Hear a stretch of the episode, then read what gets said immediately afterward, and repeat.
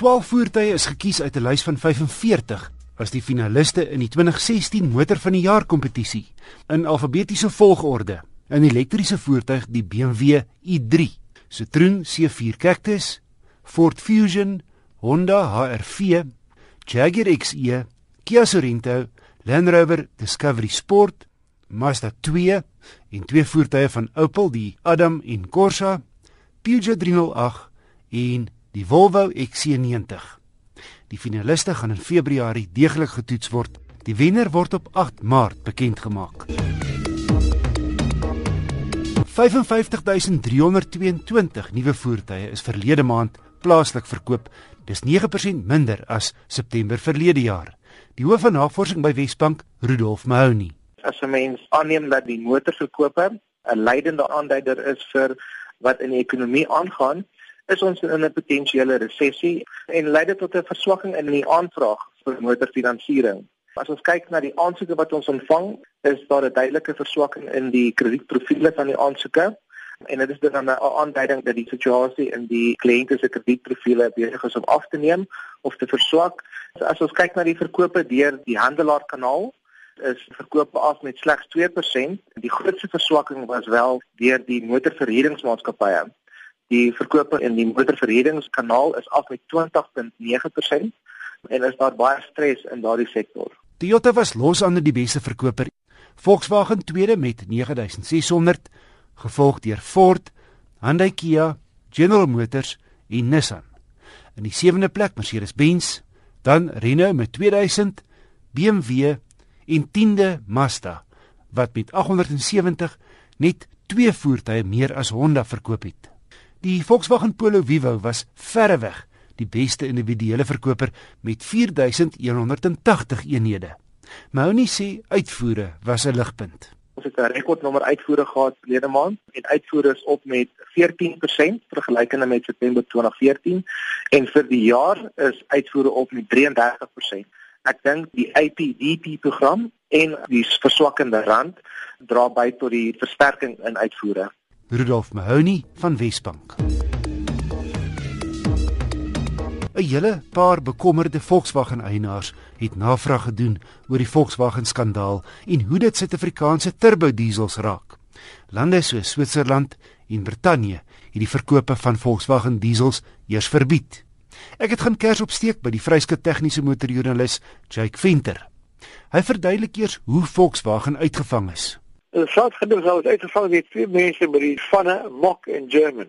Wat gebeur is daar's 'n bestaande organisasie International Council on Clean Transportation ICCT en een van hulle werkers in Duitsland met die naam van Pieter Mock het stories gehoor dat daar is 'n moontlikheid dat die Volkswagen diesel se uitlaatgasse nie so skoon is wat dit moet wees nie. En daar 'n verskil is tussen die amptelike syfers en die nie amptelike syfers. Hy het toe 'n kollega van hom wat in Amerika 'n Amerikaanse kantoor gewerk het vir sy organisasie met die naam van John German gevra om in Amerika 'n paar Volkswagens te toets omdat die Amerikaanse standaarde strenger was as die Europese standaarde. En hy wou daarmee bewys dat daar niks verkeerd was met Volkswagen se uitlaatgasse nie. Deur 'n moeilike toets voor te stel. John German het toe gedoen, hy het 'n paar mense gekry om te help en hulle het 'n Passat gevat en 'n Jetta en gaan ry op die pad oor 'n afstand van meer as 1700 km en toetsapparaat installeer en uitgevind dat die uitlaatgasse was baie veiliger as wat dit moet wees. Hulle wou eers nie glo nie want hulle het nie gedink dit sou iets kan moontlik wees nie, maar hulle het oor en oor getoets en uiteindelik besluit dat dit niks verkeerd met die apparaat nie, dit was 'n feit. En hulle het toe 'n verslag geskryf daaroor en gegee aan die Amerikaanse omgewingsbeskermingsorganisasie EPA en die het begin ondersoek instel het ook vir Volkswagen fabriek in Duitsland 'n kopie gestuur van die verslag wat is geïgnoreer. Die EPA het toe 'n stuk ingestel en gevind dat dit is definitief so en Volkswagen vra om te verduidelik. Volkswagen het vir elke jaar verskonings gemaak en gesê die apparaat is verkeerd en hulle toets die korrekte en al goed. Op die einde die EPA vir Volkswagen gesê As julle vir ons vertel wat gebeur het vir ons weier om julle 2016 modelle te sertifiseer vir die Amerikaanse mark. Jy nie kan verkoop hierso nie. Die moes van gewag en begin wat het gebeur het is dat hulle alternatiewe program daar gestel op elke kar En sodra die rekenaar uitvind dat die motor word getoets, dan word al die skoonmaakapparate in werking gestel. As jy pad ry, dan word dit goed buite werking gestel. Jake, die vraag is natuurlik wat het Volkswagen hiertoe gedryf? Ja, dit is eintlik baie duidelik want 4 jaar gelede het Martin Winterkorn die Volkswagen hoof wat nou bedank het. In Amerika by 'n geleentheid gesê dat hulle wil binne 10 jaar Volkswagen se verkope in Amerika verdriedubbel want hulle is ver agter die Toyota op daai gebied en hulle wil graag die wêreld se grootste vervaardiger word. So is baie duidelik dat ons baie druk op hulle om meer karre te verkoop in Amerika en hulle moet sterk sorg dat die uitlaat baie skoon is anders te gaan Amerikaners hulle uitvang. Dit is 'n punt van advertensies wat die skoon hulle uitlaat is. So Jake, wat presies het Volkswagen dan aan hierdie engines gedoen? Maar wat hulle gedoen het is 'n alternatiewe rekenaarkringloop geïnstalleer sodra die die hoofrek daar agterkom en voertuig word getoets, dan word hierdie kringloop in werk gestel en dan skakel dit hierdie uitlaatgasse heeltemal uit. Hoe kan die rekenaar agterkom die motor word nie getoets nie? Dit is eintlik baie maklik. Die toetse word gevoer, word uitgevoer in 'n kamer op 'n onderstel dinamometer. Dan word die agterwiele draai die voorwiele draai nie.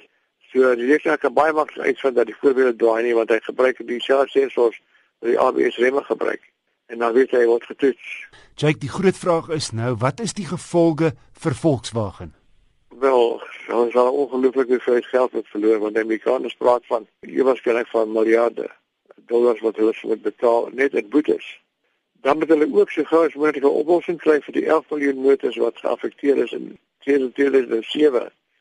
En daai oplossing gaan duur wees, hulle sal ewesgelyk moet gaan vir hierdie vloeistof wat die ander vervaardigers gebruik en hulle moet installeer in die miljoene voertuie. So dit sal baie geld kos om om al hierdie karre in te roep en te verander. Jake in die impak van hierdie skandaal op die bedryf in geheel? Ek dink die grootste impak gaan wees die feit dat feitelik alle regerings gaan nou stywer toetse in werking bring en en motors word dan weer gereeld getoets word en die vervaardigers sal vind dat uh, om al die nuwe regulasies wat hoog bevoor vir 2020 sal nou baie moeiliker wees om om na te kom want die toetse word meer strenger. Maar hoe gaan Suid-Afrika hierdeur geraak word? Wel, volgens in Afrika is besig om uit te vind wat aangaan, hoeveel van hulle voete is betrokke tot watter mate hulle betrokke. Ek dink nie hulle hoef te bekommer te wees want ons toetse is nie so so hoë standaard as die Europese of die Amerikaanse nie so. Ek verwag nie veel groot verskille nie. Elk geval sover ek weet is die toetse nie verpligtend nie. Dit word gedoen deur meeste vervaardigers om net op brandstofsyfers te kry want dit dit verpligtend om brandstofsyfers op die windskerms van nuwe motors te sit. Jack Venter, 'n vryskut tegniese motorjoernalis. My e-posadres indien jy 'n motornavraag het, is wissel@rsg.co.za. Die skoolvakansie en heelwat Suid-Afrikaners is aan die reis. Handhaaf asseblief 'n veilige volgafstand. Moenie kansse vat nie, veral nie met verbysteek nie en onthou die veiligheidsgordels voor en agter.